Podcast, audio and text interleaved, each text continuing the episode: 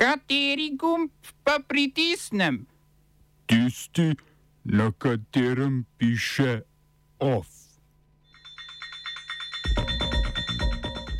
Predsedniška poskusa preprečitve stavk v Južni Koreji in Združenih državah Amerike. Pakistanski talibani prekinili premirje z vlado. Zdravniški sindikat Fides in vlada brez dogovora.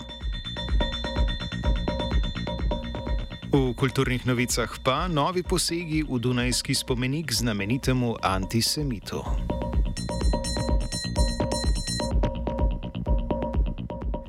Jo, južnokorejska vlada predsednika Jun Suk Jola je po neuspešnih pogajanjih 2500 voznikom tovornjakov ukazala naj se vrnejo na delovna mesta.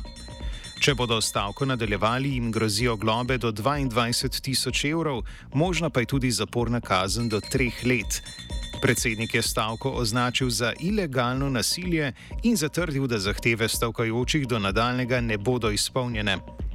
Gre že za drugo tako, tako stavko v zadnjih šestih mesecih, traja pa že šest dni.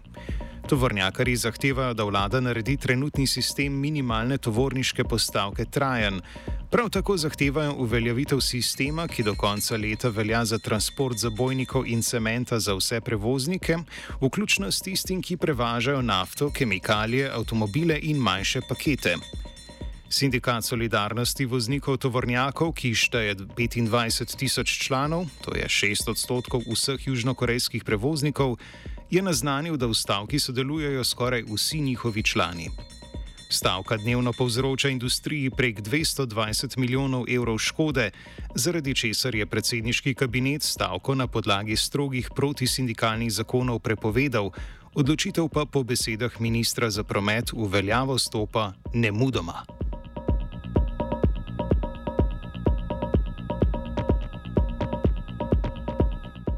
Stavke prepovedujejo tudi v Združenih državah Amerike. Ameriški predsednik Joe Biden je kongres pozval k sprejetju zakona, ki bi onemogočil stavko železniških delavcev.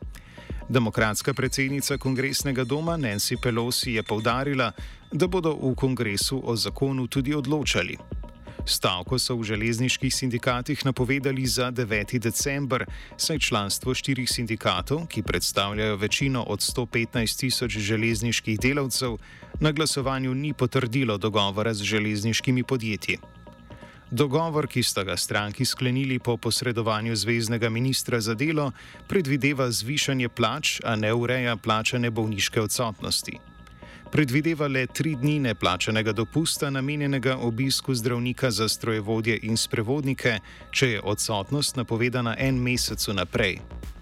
Kongres bo glasoval o uzakonitvi prvotnega dogovora. Biden se je sicer označil za ponosnega prodelavskega predsednika, a je ob tem zatrdil, da bi stavke popolnoma uničile gospodarstvo Združenih držav.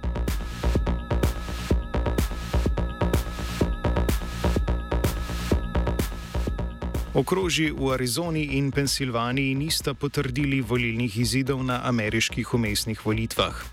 Republikanski volilni uradniki v arizonskem okrožju Coaches so preložili potrditev volilnih izidov v okrožju in to utemeljili s pavšalnimi navedbami o volilnih prevarah.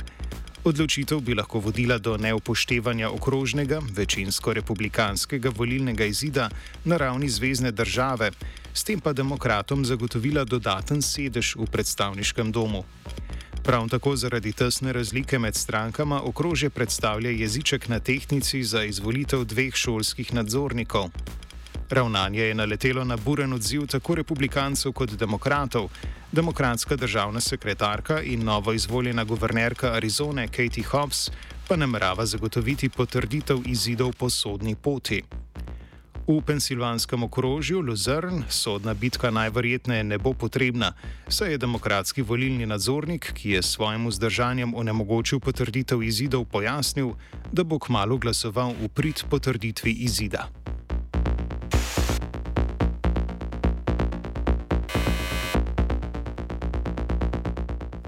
Pakistanski talibani so prekinili premirje s pakistansko vlado. Premirje je bilo sklenjeno junija, ko so ga talibani naznanili po več tednih pogajanj s pakistansko vlado. Vodstvo talibanov je zdaj napovedalo organizacijo napadov po vsej državi, medtem ko se oblasti pripravljajo na ofenzivo. Napade pričakujejo predvsem na območju plemenskih okrožij severozahodne province Hajber Pahtunva ob meji z Afganistanom. Zadnja pakistanska obramna akcija proti talibanom je potekala leta 2014, ko jim je uspelo pregnati večje število talibanov v Afganistan. V zauzemanju za regionalno varnost je danes v Afganistan odpotovala pakistanska ministrica za zunanje zadeve Hina Rabani Kar.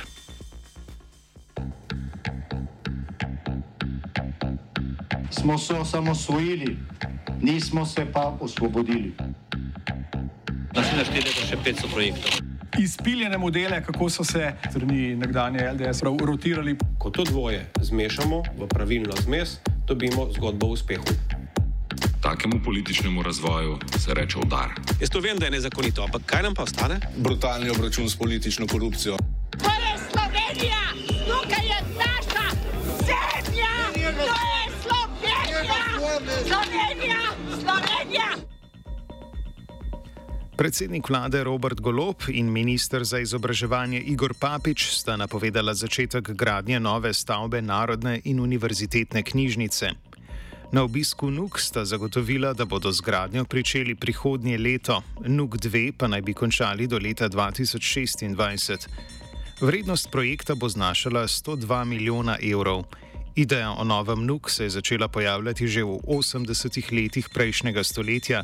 Razpisan je bil natečaj za arhitekturno izvedbo nove stavbe, a načrt na koncu ni bil reali realiziran. Na ponovnem natečaju, razpisanem leta 2012, je zmagal predlog biroja Belk Perovič Arhitekti. Novi NUK naj bi stal na Emonski cesti v Ljubljani v neposrednji bližini fakultete za arhitekturo.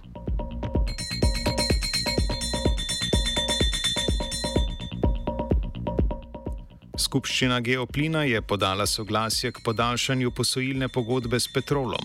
S tem bodo Geoplinu zagotovljena zadostna likvidna sredstva.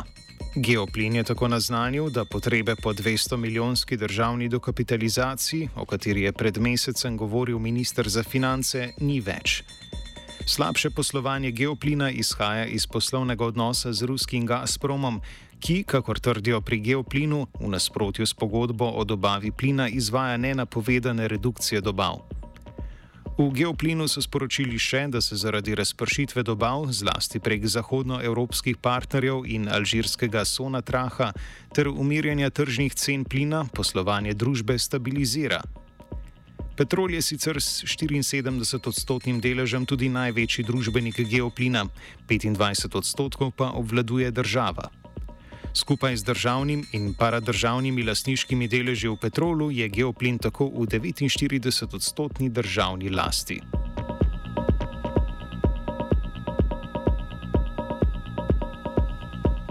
Vlada ter sindikati zdravnikov in zobozdravnikov na pogajanjih o dvigu plač niso dosegli dogovora. S tem so pogajanja zaključena. Razloge za zaključek pogajanj in pričakovanja sindikatov je povzel ministr za zdravje Daniel Bešič Loredan.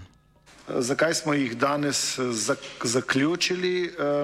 Zato, ker pričakujemo lahko že prvega oziroma v najhitrejšem možnem času sprejem vladnih izhodišč za nov stebr v zdravstvu, k kateremu smo povabili seveda vse sindikate uh, v zdravstvu kot celota. Vlada razume v bistvu zdravstvo kot celota in želimo reševati težave sistemsko. Pogajanja, ki so tekla, so bila s precej nihanji. Danes eh, zjutraj oziroma dopoledne nam je Fides poslal eh, njihov predlog. Predlog je zvišanje vsem zdravnikom za pet plačnih razredov plus en že dogovorjeni razred z 1. aprilom, torej vsem zdravnikom za šest. Vladni predlog je bil pred današnjimi pogajami, da dvigujemo plače seveda selektivno. Pogajanja z zdravniškimi sindikati je v širši kontekst pogajanj v sistemu plač v javnem sektorju postavila ministrica za javno upravo Sanja Ajanovič-Hovnik. Še predno smo nastopili to vlado, smo tudi v predvolilnem obdobju napovedovali, da je potrebno korenito poseči v sistem plač. Um, odkar smo na teh položajih, v bistvu še bolj ugotavljamo, da je temu res tako, da uh, je sistem plač bil v preteklih letih z parcialnimi posegi in z vsem, kar se je dogajalo na tem področju, uh, nepovratno uničen. Zato smo na pogajanja s sindikati uh, javnega sektorja pristopili v bistvu uh, dvofazno. Prva faza je bila predvsem mišljena na naslavljanje uh, inflacije, naslavljanje draginje, naslavljanje najšipkejših v celotnem javnem sektorju.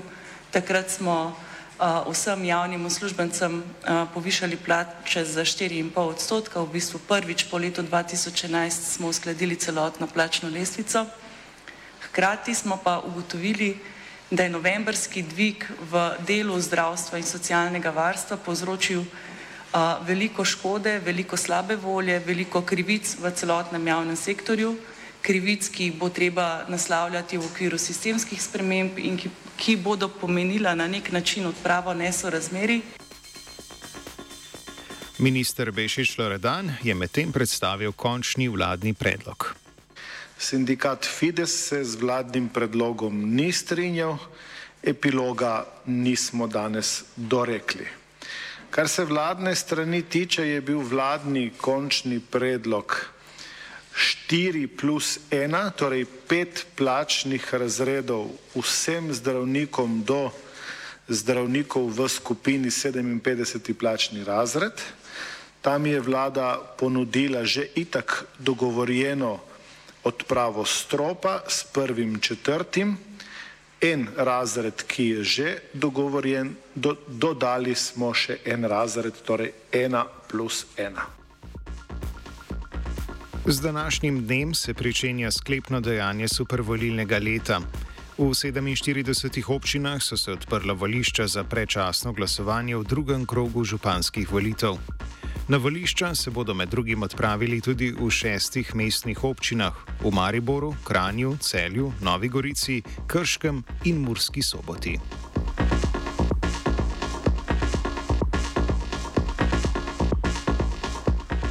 Off sta pripravila vajenca Neva in Ervin, kavo je kuhala Aida.